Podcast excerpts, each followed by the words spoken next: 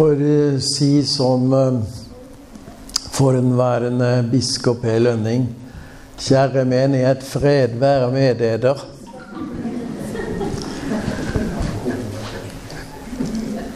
Mitt eh, første stunt i evangelisering det var da han var biskop i Borg, og han hadde lilla skjorte og gullkors og for rundt på badestrendene. Og jeg hadde et team og fulgte etter ham og prøvde å frelse østfoldinger. ja, det var den gang 1973. Eh, så nå har jeg vært eh, en kristen i mer enn 50 år. Og jeg har tenkt de siste dagene på uh, tiden vi lever i. Uh, på gresk så er det to ord for tid. Kronos. Uh, en fin klokke kalles jo for et kronometer. Og så er det kairos. Og det betyr en tilmålt tid, eller en spesiell tid. Og jeg lurer på om uh, vi er på vei inn i en veldig spesiell tid, en Kairos-tid. Hvor Gud gjør noe helt spesielt. For det er jo slik at uh, livet går sin vante gang. Det meste er på skinner. Og som gårsdagen var, så kommer morgendagen til å bli. Men så er det spesielle tider vi kan lese om i Skriften, hvor Gud griper inn og gjør noe helt spesielt. Og jeg lurer på om vi er på vei inn i en sånn Kairos-tid. Ikke bare her i landet, men i hele verden. Så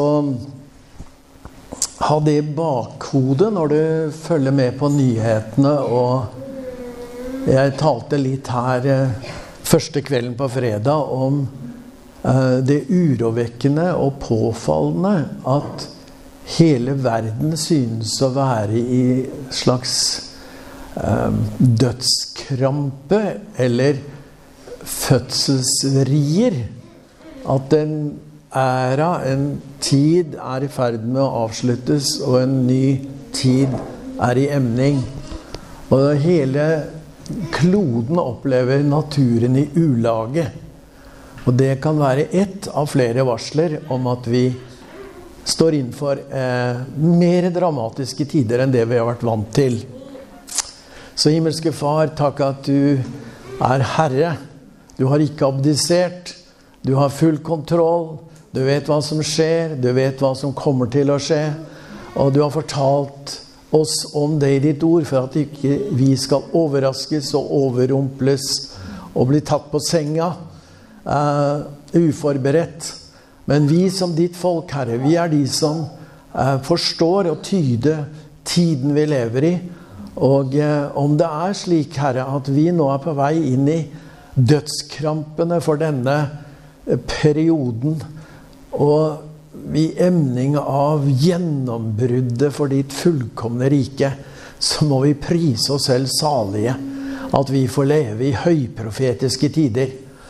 Uh, så hjelp oss til å være årvåkne, og hjelp meg til å formidle ditt ord til oss i formiddag, slik at vi har utbytte av det. I Jesu navn. Amen. Yes. I går så eh, kveld så talte jeg litt om apostelen Peter. Og, og, gjennom beretningen om ham og hans liv så skulle vi få forståelse for de to oppgavene Jesus kom for å gjøre. For det første for å sone vår synd, og for det andre å bygge en bevegelse som han kaller for Guds rike. Og der er vi nå. Vi har opplevd personlig frelse i Jesu Kristi rensende blod. Og vi er en del av dette riket, denne bevegelsen, Guds rike. Fantastisk. Vi er privilegerte. Vi har en fremtid. Vi har en strålende fremtid. Og eh, de som ikke kjenner Jesus, de har en meget dyster fremtid. Så vårt, vår bønn og vårt håp er at Når de rystelsene som vi aner er i ferd med å ryste vår verden, så skal det vekke opp mennesker som ikke kjenner Gud, til å spørre, stille seg selv spørsmålet Hva er det som skjer? Det som har vært trygt og tilvant, det rokkes og rystes. Hvor fins noe som er fast, som vi kan ha tillit til? Da er det Guds ordet. Gud og Guds rike. Og det kan vi være vitner om. Men jeg har lyst til uh, i formiddag å si litt mer om apostelen Peter. Og vi tenker tilbake på det vi har lest om ham. Så hadde han jo mange dramatiske opplevelser i fellesskap med Jesus.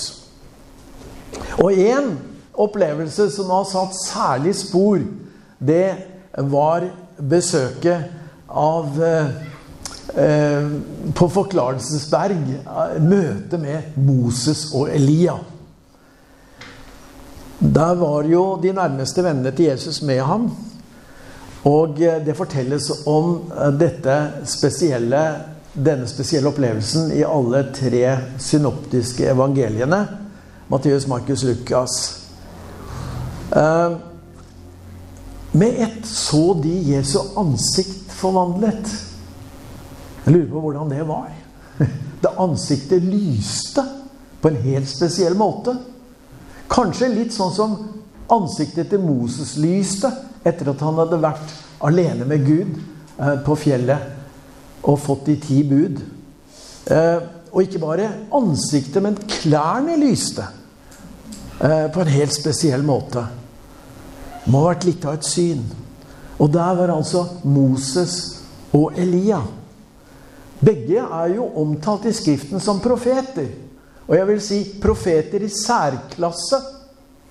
Begge hadde dramatiske opplevelser med Gud og gjorde tegn og under.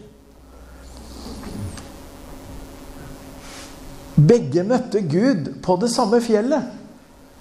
Fjellet Horeb eller Sinai. Ja, hvor er det fjellet? Bakerst i vår bibel så så mener de at eh, med forskjellige tegninger at det var eh, på Sinai-halvøya. Men det stemmer bare ikke. For eh, da Moses skulle flykte, så flyktet han til Midian. Hvor er Midian? Jo, det er på østsiden av Det røde hav. Og der var det fjellet han møtte Gud. Ikke på Sinai-halvøya. Og jeg husker i 2002 at Margarete og jeg vi var i USA, og vi var i Colorado Springs. Og da hadde jeg lunsj med en interessant person som var en slags uh, kristen eh, eventyrer eh, som heter Bob Cornuke. Og han var på det fjellet der Moses møtte Gud. Og han fortalte meg om den opplevelsen. Og det stemmer helt med beskrivelsen vi finner i Det gamle testamentet. Og han har faktisk skrevet en bok om det, som vi har utgitt på vårt forlag. Eh, Proklamedia, som heter 'Guds fjell'. Verdt å lese. Han, eh, han hadde akkurat kommet fra Malta. Og han tok et, en blybit og la i hånden på meg. Og så sa han 'Vet du hva dette er for noe?' sa han. Nei, det visste jeg selvfølgelig ikke. Jo, det er en del av det ankeret som var på det skipet Paulus led skipbrudd fra. Å ja, interessant. For han er en sånn type som, som syns det er interessant å drive med sånne ting. Så han hadde dykket og funnet dette ankeret. Og, og, han visste det type skip det var, og de hadde ikke jernanker, men de hadde blyanker osv. Nå vel. Så Begge hadde jo en helt spesiell bortgang, Moses og Elia. Moses Ingen vet hvor hans grav er, for det var Gud som begravde ham. Eh, jeg vet ikke om noen andre som Gud har begravet. Ja, kan Gud det?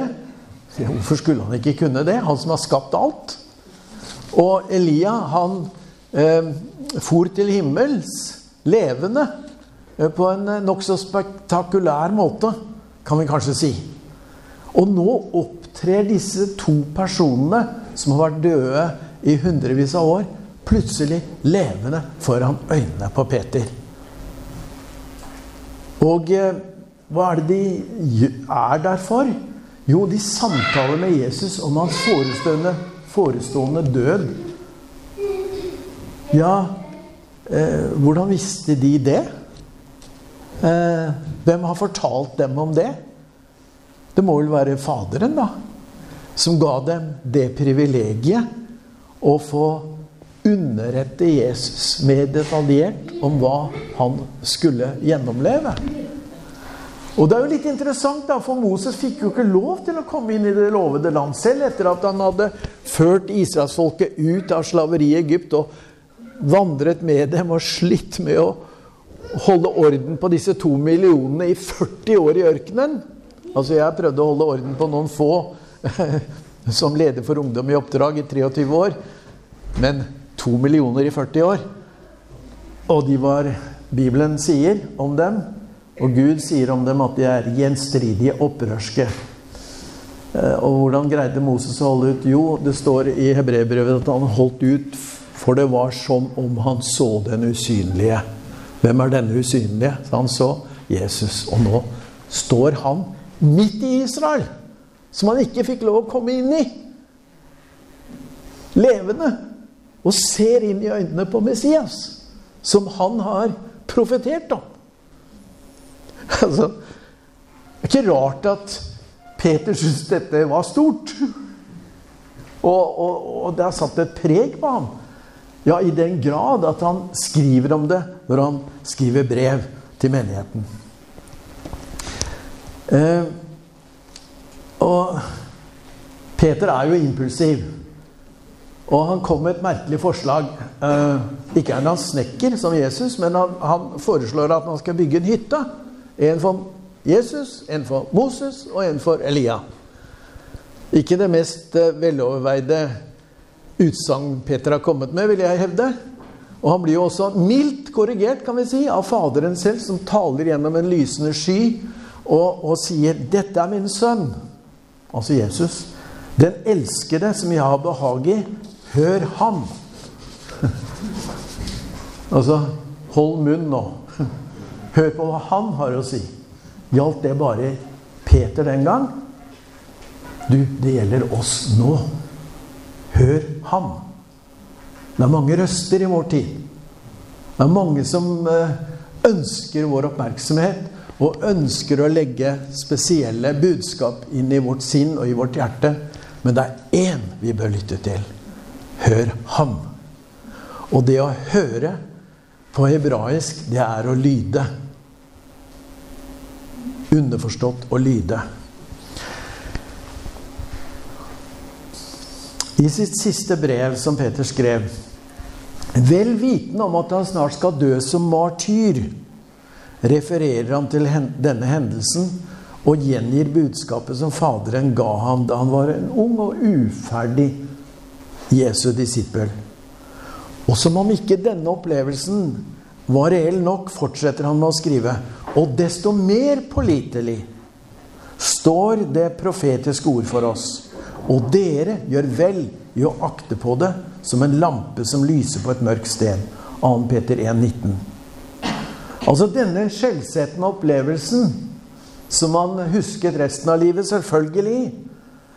Det er ingenting i sammenligning med det skrevne Guds ord. For han skriver og sier at det profetiske ord er desto mer pålitelig. Altså, jeg syns det er greit å understreke for meg selv og for dere hvor pålitelig Guds ord er. Det er ikke noe alternativ som overgår Skriften, uansett hva moderne teologer måtte mene. Ja, hvordan er Guds ord blitt til? Hvis vi spør Peter, vil han svare følgende. Mennesker som var drevet av Den hellige ånd, talte ord som kom fra Gud. Ordet er Guds. Det har kommet ut fra hans munn, fra hans pust, sier Paulus i sitt andre brev til sin unge disippel Timotius i 3.16. Den veien Peter måtte gå som disippel, den var humpete, kan vi si. Det var oppturer og nedturer. Sånn er det trolig med ditt liv. Sånn har det vært med mitt liv. Og det er ikke enda ferdig. Jeg står her fortsatt levende for dere. Dere ser meg? Ja. Jeg er ikke i graven ennå, selv om noen kanskje mener burde ikke du vært i graven nå, du er så gammel som du er. Tenk på noen av oppturene, da. Han var den eneste av disiplene som har gått på vannet. Jeg ville tenke kanskje det eneste mennesket som noensinne har gått på vannet. Han gjorde det. Og da han midt i disippelflokken, og Jesus spør Hvem sier dere at jeg er? Du, sier, sier Peter, du er Messias, Guds sønn. Og da er det han får høre disse rosende ord fra Jesu munn. Salig er du, Simon. Det er sterkt ord. Lykkelig, begunstiget eh, er du, Simon, sønn av Jonah. For du har fått åpenbart, eh, ikke av mennesker, men fra min far i himmelen. Jeg sier deg at du er Peter, og på denne klippet vil jeg bygge min menighet. Og dødsrikets porter skal ikke få makt over dem. Greit å vite. Dødsrikets makter skal ikke få herredømme over Guds rike. Jeg vil gi deg nøklene til himlenes rike. Og du skal, det du binder på jorden, skal være bundet i himmelen. Det du løser på jorden, skal være løst i himmelen. Matteus 16, 16-19. Ja, det var noen av oppturene. Og så var det nedturer, da. Og det fokuserte vi litt på i går kveld. Eh, for rett etter denne rosende omtale så får han en korreksjon av det mest brutale slaget vi kan lese om at noen fikk høre i hele Bibelen. Vik bak meg, Satan! Hæ? Det sier Jesus til sin beste venn. Eh, vi kan kanskje slå fast at Jesus ikke er noen humanist. I hvert fall. Du er til anstøt for meg, sier han. Det er et gammelt ord. Jeg forklarte det i går. At eh, det greske ordet 'skandalon', skandale, som vi har fra det greske ordet, det betyr en pinne med et kjøttstykke på for å lokke et dyr i en felle. Du er i ferd med å føre meg inn i en felle, eller lokke meg til inn i en felle. For du har ikke sans for det som hører Gud til, for det Gud vil. Du har bare sans for det som hører menneskene til, det som mennesker vil.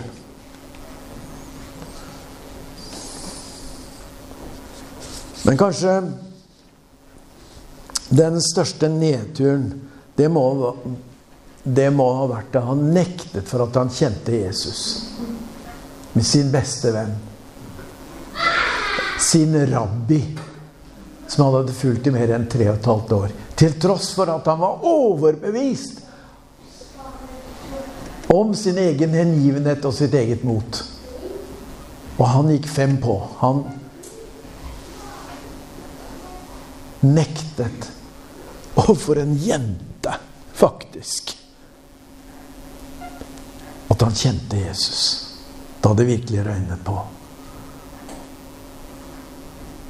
Han gråt bittert da det gikk opp for han hvordan han hadde sviktet. Var det da ingen vei tilbake? Og det var jo han som løp til graven da kvinnene fortalte at de fant en tom. Å, har? Han var interessert nok til å ikke bare høre rykter, men han ville finne ut selv. Og han gikk ikke, han løp. Der kan du se noe av intensiteten dette måtte han få brakt på det rene. Og så sier de elleve andre, da Emmaus-vandrerne kommer tilbake etter å ha møtt Jesus Og så sier de 'Simon har møtt Jesus, og han lever', sier de elleve. Så det har vært et privat møte som evangeliene ikke forteller noe om hva de snakket om, som Peter fikk oppleve med Jesus. Og han fikk jo det bekreftet da de var oppe og fisket og hadde en mislykket fisketur. Da han satt ved kullilden, og Jesus spurte ham tre ganger om han elsket ham. Da fikk han bekreftet Ikke bare at han var tilgitt, men at han også var gjenopprettet. Og at lederkallet hans sto ved makt. Ja, gikk kallet til Peter i oppfyllelse? Tok Peter lederansvaret? Svaret understrekes i de første tolv kapitlene i apostlenes gjerninger, som gjerne kalles for den petrinske delen. Det var Peter som grep ordet på pinsedagen og talte så 3000 mennesker kom til tro, omvendte seg og ble døpt. Det er bra, altså. 3000 på ett møte. Jeg vet bare historien om en annen begivenhet som har skjedd i min levetid, ute på hybridene, hvor Duncan Campbell var brukt av Gud til en vekkelse. Kanskje den siste store vekkelse i Europa, for alt jeg vet. Men da fortelles det, og han forteller det selv, og jeg har det på kassett, ehm, at de hadde utendørsmøte, og de priste Gud, og de hørte englene synge. 3000 mennesker omvendte seg på et utendørsmøte på Hebridene. Og da hørte de englene synge. Det var tolv pastorer fra California som hadde fløyet dit og overvar begivenheten. Det er veldig stor glede i himmelen over ett menneske som omvender seg og kommer til tro. Her var det 3000. Og englesangen var så stor at den brøt igjennom, og de hørte den. Nei, det er bra, altså. Ja. Å, fantastisk. Jeg, jeg begeistres, jeg. Er, er bare lov å si det. Eh, det var også han som talte i tempelforgården når han hadde sett denne lamme mannen som har sittet der i 40 år. I hvert fall hadde vært lam fra fødselen av i 40 år. Ved tempelporten den fagre og tigget almisser. Og så tar Peter han i hånden og så reiser han opp i Jesu navn. Oi! Da han sprang rundt i forgården til tempelet, så ble jo folk helt forskrekket, for de kjente jo mannen igjen. og de stimlet sammen, og da så Peter anledningen til å forkynne for dem. Og han forkynte. Og det var han som også, sammen med Johannes, ble arrestert. Og eh, han ble arrestert på nytt, leser vi. Og da griper han ordet frimodig og forkynner budskapet om oppstandelsen. Og da de truet ham og krevde at han stoppet med det, så sier han frimodig er det ikke rett av oss å lyde Gud mer enn mennesker. Og kanskje noen av oss kommer dit hen i vår egen tid at vi må lyde Gud mer enn mennesker. Det var også Peter som brøt med den jødiske tradisjonen om ikke menge seg med hedninger da han gikk inn til eh, den romerske offiseren Kornelius for å tale til en lydhør forsamling med hedninger. Når du leser de, eh, disse kapitlene i apostelgjerningene, så slår det i hvert fall meg at Peters forkynnelse var konfronterende. Han sier 'Dere som drepte Messias' og hang ham på et kors. Og hvordan reagerte folk? Folket reagerte med å omvende seg, mens lederskapet skar tenner i sinne. Peter hadde makt og myndighet fra Gud. Dere husker at han refset en trollmann som kom til tro. Han het for øvrig Simon, han òg. Han sa det, for han kom og ville kjøpe den kraften som han skjønte Peter hadde. For da han la hendene på folk, så fikk de Den hellige ånd. Det ville han også ha, denne trollmannen. For han var opptatt av kraft. Og ville kjøpe den. Og da sier Peter, du må omvende deg. Ellers så kommer du sammen med sølvet ditt til å havne i helvete. Og så tenker vi i dag, vi kristne forkynnere og ledere Var eh, Peter egentlig kjærlig der?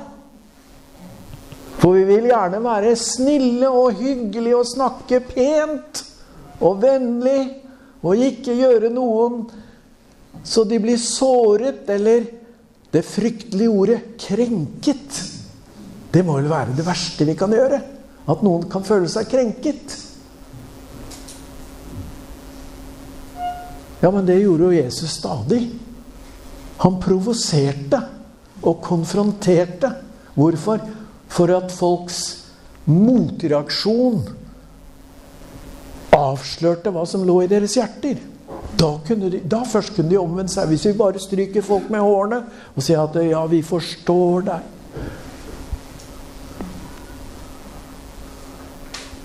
Det er ikke nok. Hvem er modellen for oss som forkynnere? Det må jo være de nytestamentlige forfattere. Jeg har litt peiling på Hans Nilsen Hauge. Og når Karsten Alnes, som er historiker, sier at det er to personer som har forandret Norge, det er Golav den hellige og Hans Nilsen Hauge, så tror jeg i hvert fall når det gjelder Hans Nilsen Hauge, at han har helt rett. For jeg er sosiolog og har studert virkningen av vekkelsen som fulgte Hauges forkynnelse. Han hadde bare åtte år. Og bare han. Han bare gikk. Hadde ikke støtte, hadde ikke ressurser, hadde ikke nettverk, hadde ingen forbilder, men han forvandlet Norge. Hvordan da? Gjennom sin forkynnelse. Ja, hvordan forkynte han? Utfordret mennesker til omvendelse. Han hadde ofte bare one, stein, one night stands. Han hadde kom på en gård, spurte om å få hjelpe til litt, og så om de kunne ha møte på kvelden. Ja, det fikk han. Noen steder. Og da var det kanskje én eller to som kom til tro. Og så var det slik at uh, han utfordret, og så gikk han videre. Og kanskje måtte de gå, og det har jeg lest om, og slite med anfektelse i uker, ja faktisk måneder, før de fikk et gjennombrudd og opplevde en forsonet Gud. At de fikk nåde og jeg skal si deg, da sto de som påler resten av livet, uansett hva slags utfordringer og forfølgelser og vansker de møtte. Jeg tror vi er for kjappe til å skulle trøste og, og, og ikke våge å la mennesker få kjempe litt med Gud.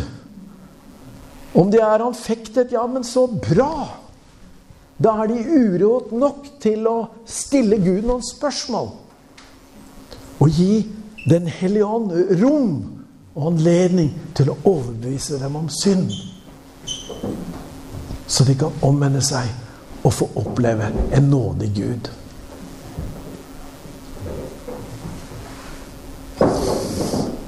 Ja, altså Peter var konfronterende i sin forkynnelse.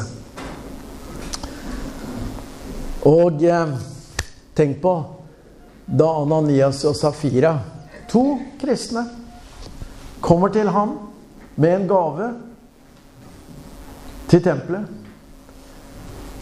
i apostelgjerningen 5, og begge faller død om ved apostelens føtter fordi de hadde løyet for Den hellige ånd. Da folk hørte om det, falt det stor frykt på menigheten og alle som hørte om det, står det. Jeg tror det kanskje hadde falt stor frykt på menigheten i Norge om noe tilsvarende skjedde ved vår talerstol. Ja, men Gud straffer ikke nådens tidshusholdning, sier noen. Å ja, gjør han ikke det? Ja, men hva med Ananias og Safira? De var jo til og med kristne. Ja, hva med Herodes, som vi leser om i en av de følgende kapitler i apostlenes gjerninger som Herrens engel slo, og som ble spist opp av ormer fra innsiden og døde.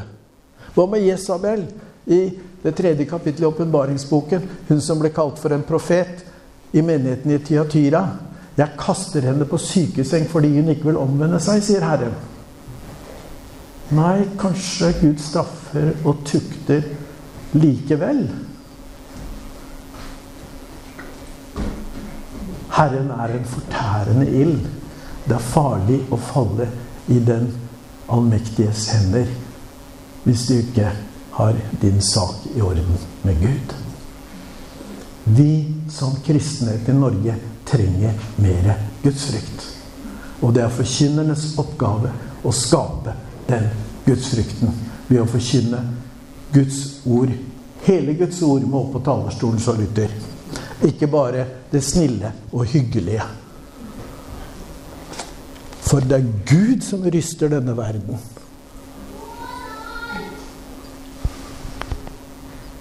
Det er ikke djevelen. Det er Gud.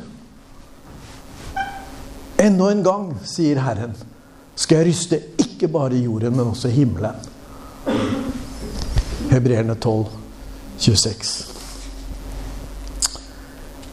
Ja Men han var også en som befalte en lam mann som hadde ligget åtte år, til sengs.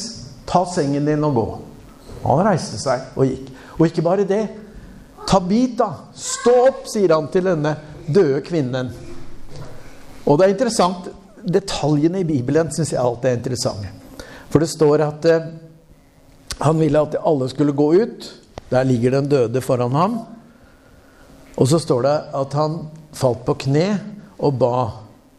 Og da skjønner vi at han ikke så på problemet, så var det døde kroppen til Tabita. For det står når han hadde bedt, så snudde han seg mot liket og befalte henne å reise seg. Han hadde blikket festet på Gud og ikke på problemet. Og når han kjente at to, troens tidevann hadde steget i hjertet, så han kunne reise seg og si 'Stå opp, Tabita', så gjorde han det. Og folk i Jerusalem og fra byene rundt om bar sine syke på bårer og senger ut på gaten Jerusalem. Hvorfor? Jo, i forventning om og ønske om at om bare skyggen av Peter ville falle på det, så skulle de bli friske. Og så sier legen Lukas at de ble alle helbredet. Ikke noen, ikke mange, men alle. Er det mulig? Ja, det står i Skriften. Og jeg tror noe av hemmeligheten med å se tegn og under og helbredelser, det har med forventning å gjøre. Og jeg tror at vi i Norge vi lever i et vantro klima. Men jeg tror at denne Kairos-tiden vi er på vei inn i, det skal også gjøre sitt til at vi skal få se helbredelser av syke kropper. Fantastisk. Jeg tror vi kommer til å ha spennende tider foran oss. Vi må altså kunne konkludere, da med å si at apostelen Peter var en leder med en sjelden salvelse av Den hellige ånd. Ikke rart at Kornelius falt på kne og ville tilbe ham. Men Peter sier, 'Reis deg opp. Jeg er også bare et menneske.' Og det har vi jo også fått se, for Bibelen er så sann og så ekte og så ærlig. Forteller om alle svakhetene som heltene hadde. De var feilende, snublende mennesker. Men eh, hva er hemmeligheten egentlig, tror vi, når det gjaldt Peter? Jeg vil hevde at det var det at han var helt og fullt overbevist om at han var tilgitt, og at han var kalt og utvalgt. Han hadde trodd på det Jesus sa om lederkallet, som ble gjentatt tre ganger rundt den kullilden der oppe ved Genesaretsjøen. Det er ikke så rart da at Peter i sitt brev til oss, vi som har fått den samme dyre tro som han, kommer med følgende formaning.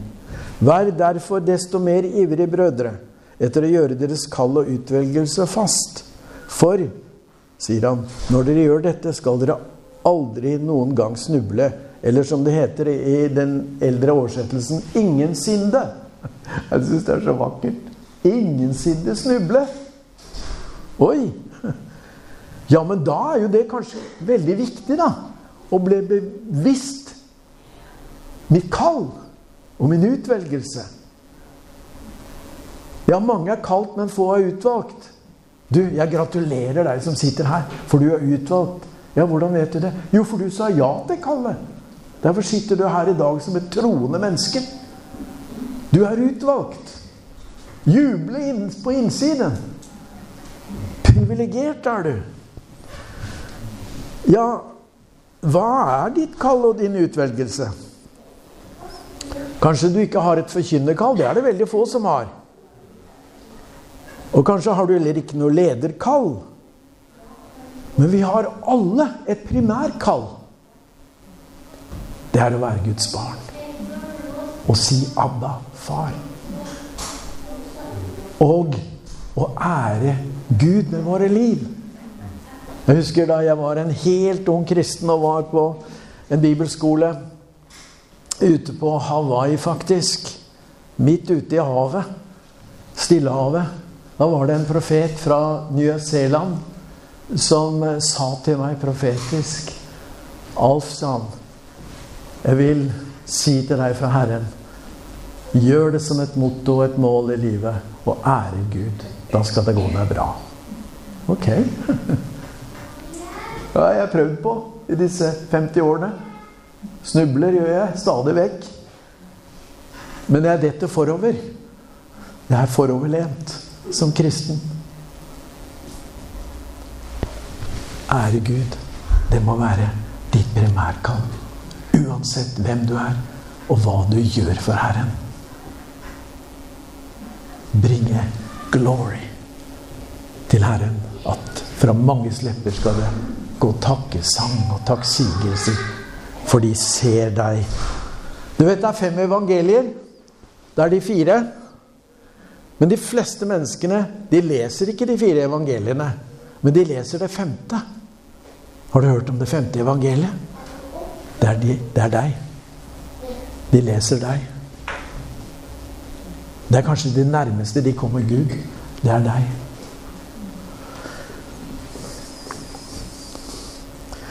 Og så legger Peter til Hvis vi blir bevisste hva vi er kalt til, da skal det gis dere en full og fri adgang til vår Herre og Frelser Jesu Kristi evige rike. Det smaker av triumf, syns jeg.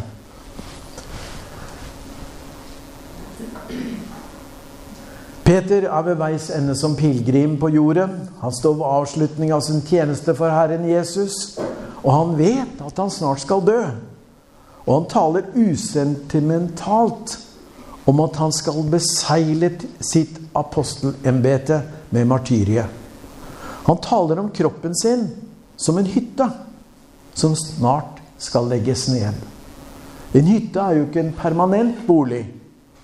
Det forgjengelige skal forlates, og den som bodde der, flyttes over til det som er uforgjengelig.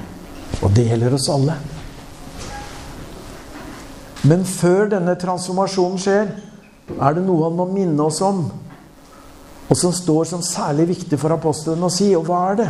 Det er først en formaning, og så en advarsel. Den troende må aktivt arbeide på sin frelse.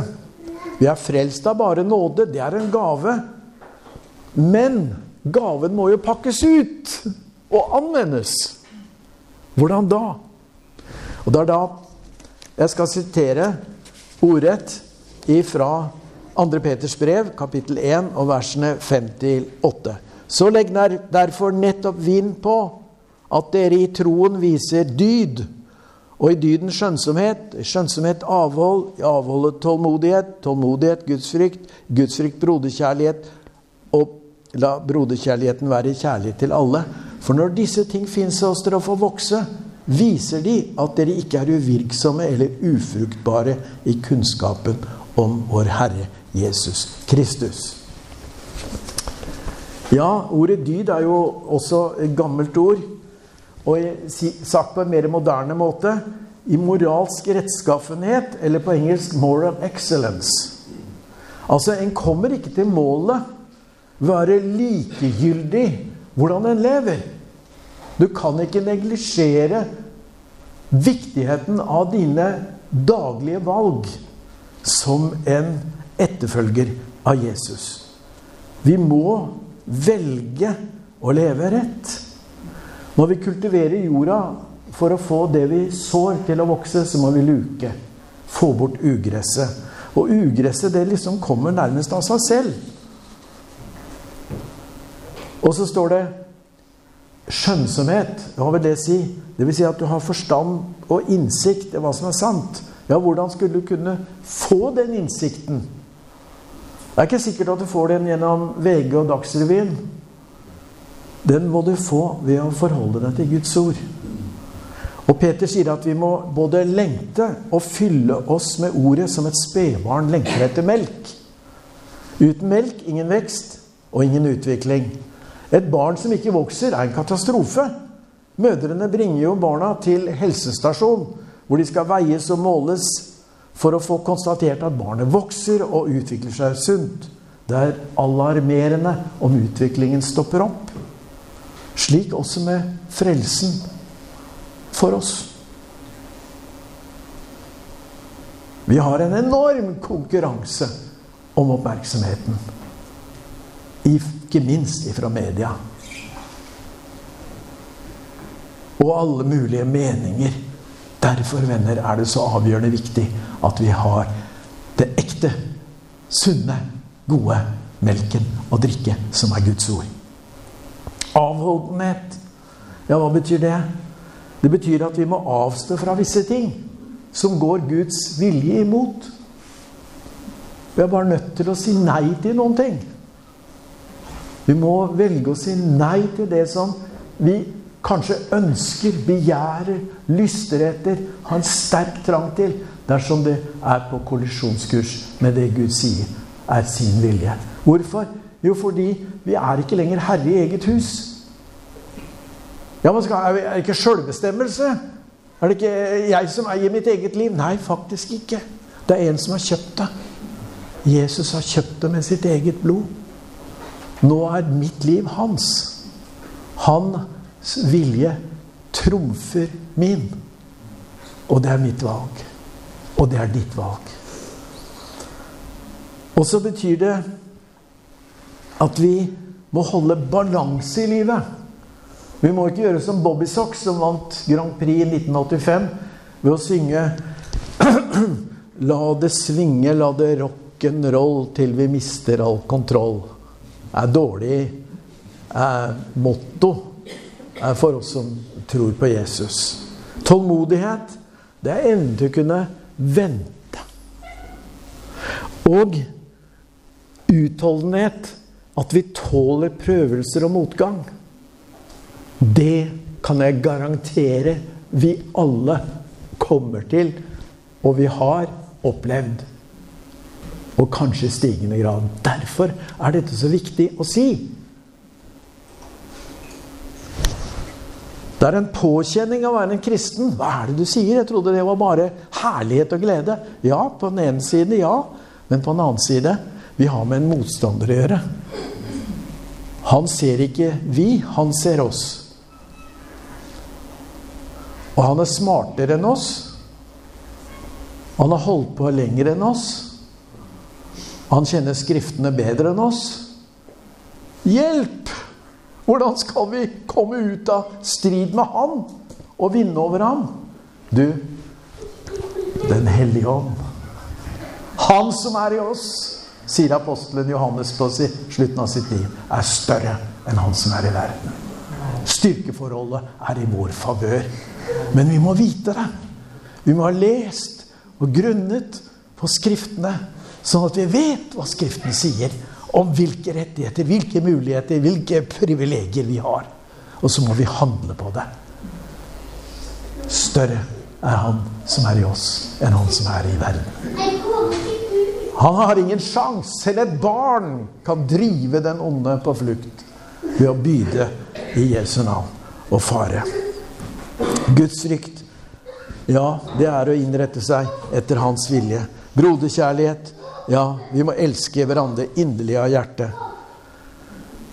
Og når disse kvalitetene fins i livet vårt og vokser seg sterkere og sterkere, så forteller det oss at troen vår er ekte, og livssamfunnet med Jesus fungerer. Fruktbærende kristne er til pryd og glede for Gud. Hvis det er oppgaven vår, å bringe glede til Gud, da.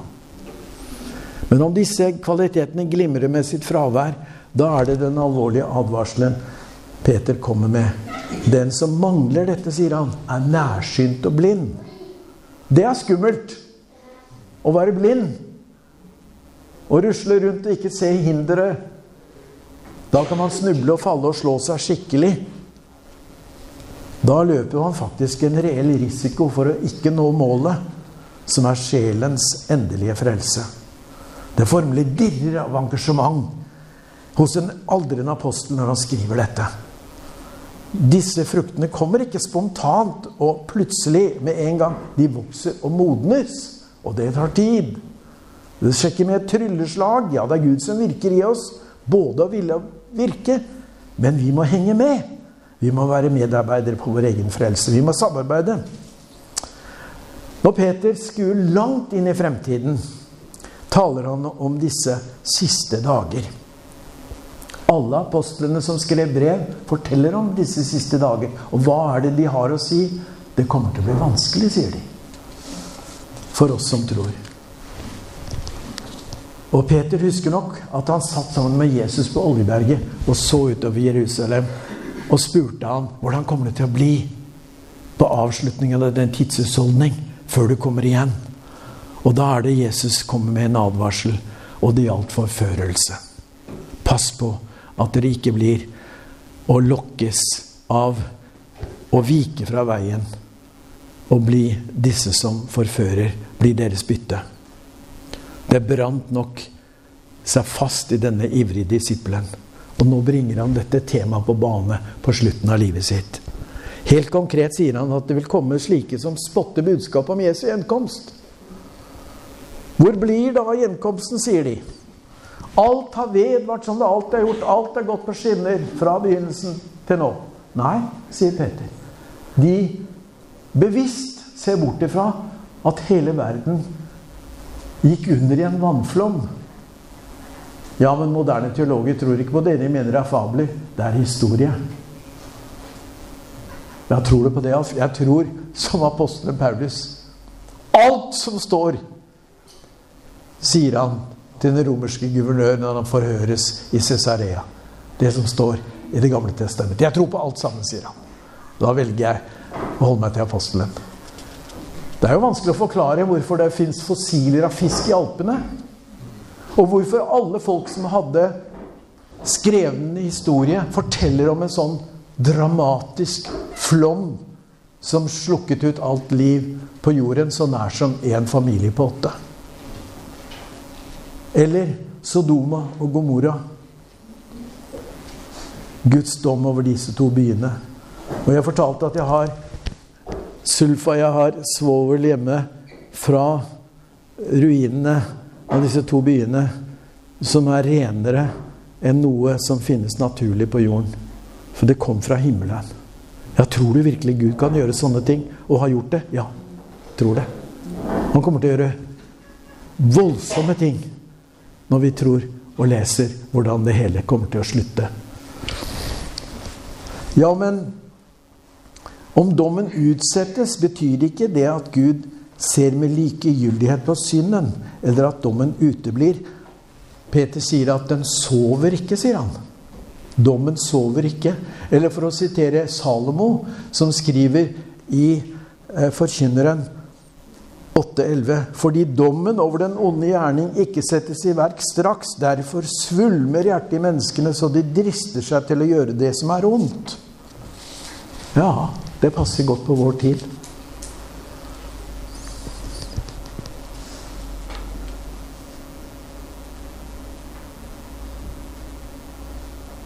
Den gamle verdens dødssmerter blir den nye verdens fødselssmerter. Når tiden er inne, skal himmellegemene brenne og forgå med veldige brak, sier han. Og Herrens dag skal komme som en tyv.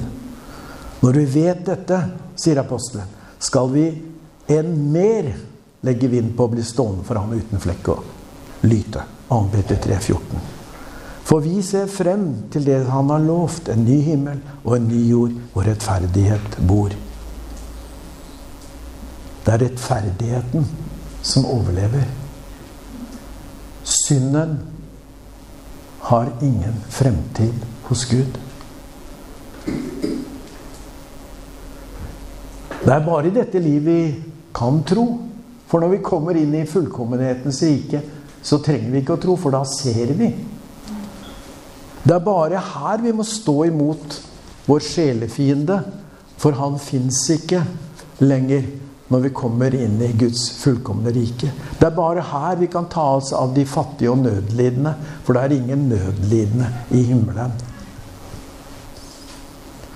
Peter kaller sin kollega Paulus for 'vår kjære bror', selv om han irettesatte Peter offentlig, husker vi, i Antiokia.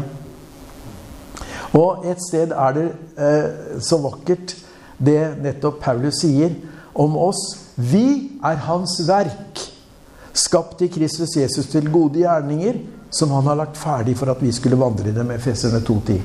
Og det ordet 'verk' som vi har på norsk, det er så vakkert på gresk. Det står 'poema'.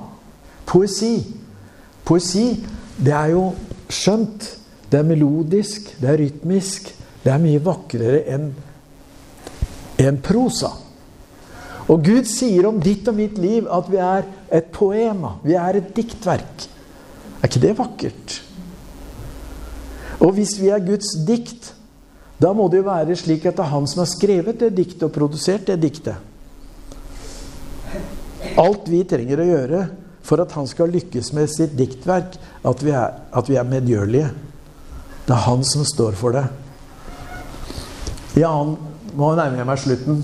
Tåler dere bitte litt til? Ja, ja, ok. 2. Korinterbrev 3,18. Der sier apostelen Paulus følgende Nå ser vi Herrens herlighet som i et speil, sier han. Ja, hvor ser du Herrens herlighet som i et speil? Ja, jeg ser det når jeg barberer meg hver morgen. Jeg ser det i min hustru.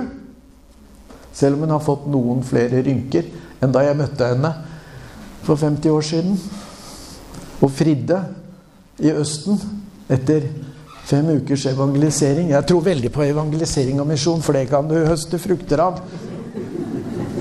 Både på den ene og den annen måte. Jeg spurte om hun ville ha initialene MM. Og så briljant som hun er, så forsto hun at det betydde Margareta Magnus. Og hun sa ja. Etter fem uker. Hun kjente ikke meg, jeg kjente ikke henne. Men nå har vi holdt ut med hverandre i over 49 år. Tre barn og tolv barnebarn. Halleluja! Men Nå kommer jeg helt av sporet her. Hvor ser jeg Herrens herlighet som i et speil? Helt korrekt i Guds ord. Med utildekket ansikt. Og da skjer det noe med meg. Jeg blir forvandlet til det samme bildet. Ikke brått plutselig, men fra én grad av herlighet til en ny grad av herlighet. Hvem er det som gjør jobben? Den hellige ånd. Skulptøren som hugger løs på marmorblokken for å få fram den egentlige Alf. Jeg har en svoger som er billedhugger, Norges beste. Uh, ydmykhet er å være villig til å være kjent for den man er. Det er min definisjon. Og han mener uh, helt ubeskjedent at han nok er den beste. Og hadde han uh, skullet lage en byste av profeten, pastoren Jens Thoresen, så ville han hugge den i marmor eller forme den med leire og brenne eh, dette her eh, Og så støpe de i bronse. Eh, og da ville det være helt riktig avstand mellom øynene, og nesa ville være akkurat så lang som den er. Og det bestemte hakepartiet Alle ville se at det er Jens Thoresen. Yes, sir. det er fantastisk, altså. Eh, det er noe sånn. Men du, du Gud har et bilde av hvem du egentlig er. Og han gir seg ikke. Det er så fint med Gud. Han er utholdende. Han jobber med deg til ditt siste åndedrag i denne hytta. Før han er fornøyd. Ja, men hvor ser vi dette speilet? Jo, David, som er forfatter til deler av Det gamle testamentet, sier i Salme 12, vers 7 at, at uh, Guds ord er som et speil. Som sølv. Syv ganger renset, sier han. Ja, hvordan renset man sølv? Jo, man varmet opp til det ble flytende. Så kom slagstoffene til overflaten, og så skummer man av uh, ufullkommenhetene. Slagget. Syv ganger renset, sier David at det er. Ja, hvordan visste sølvsmeden at han hadde fått et helt renset sølv? Han kunne se sitt eget speilbilde uten forvrengning. Ok, så vi kan også se Gud, bildet av Gud utenfor vrengning, i Bibelen. Og når vi ser det bildet, så blir vi betatt.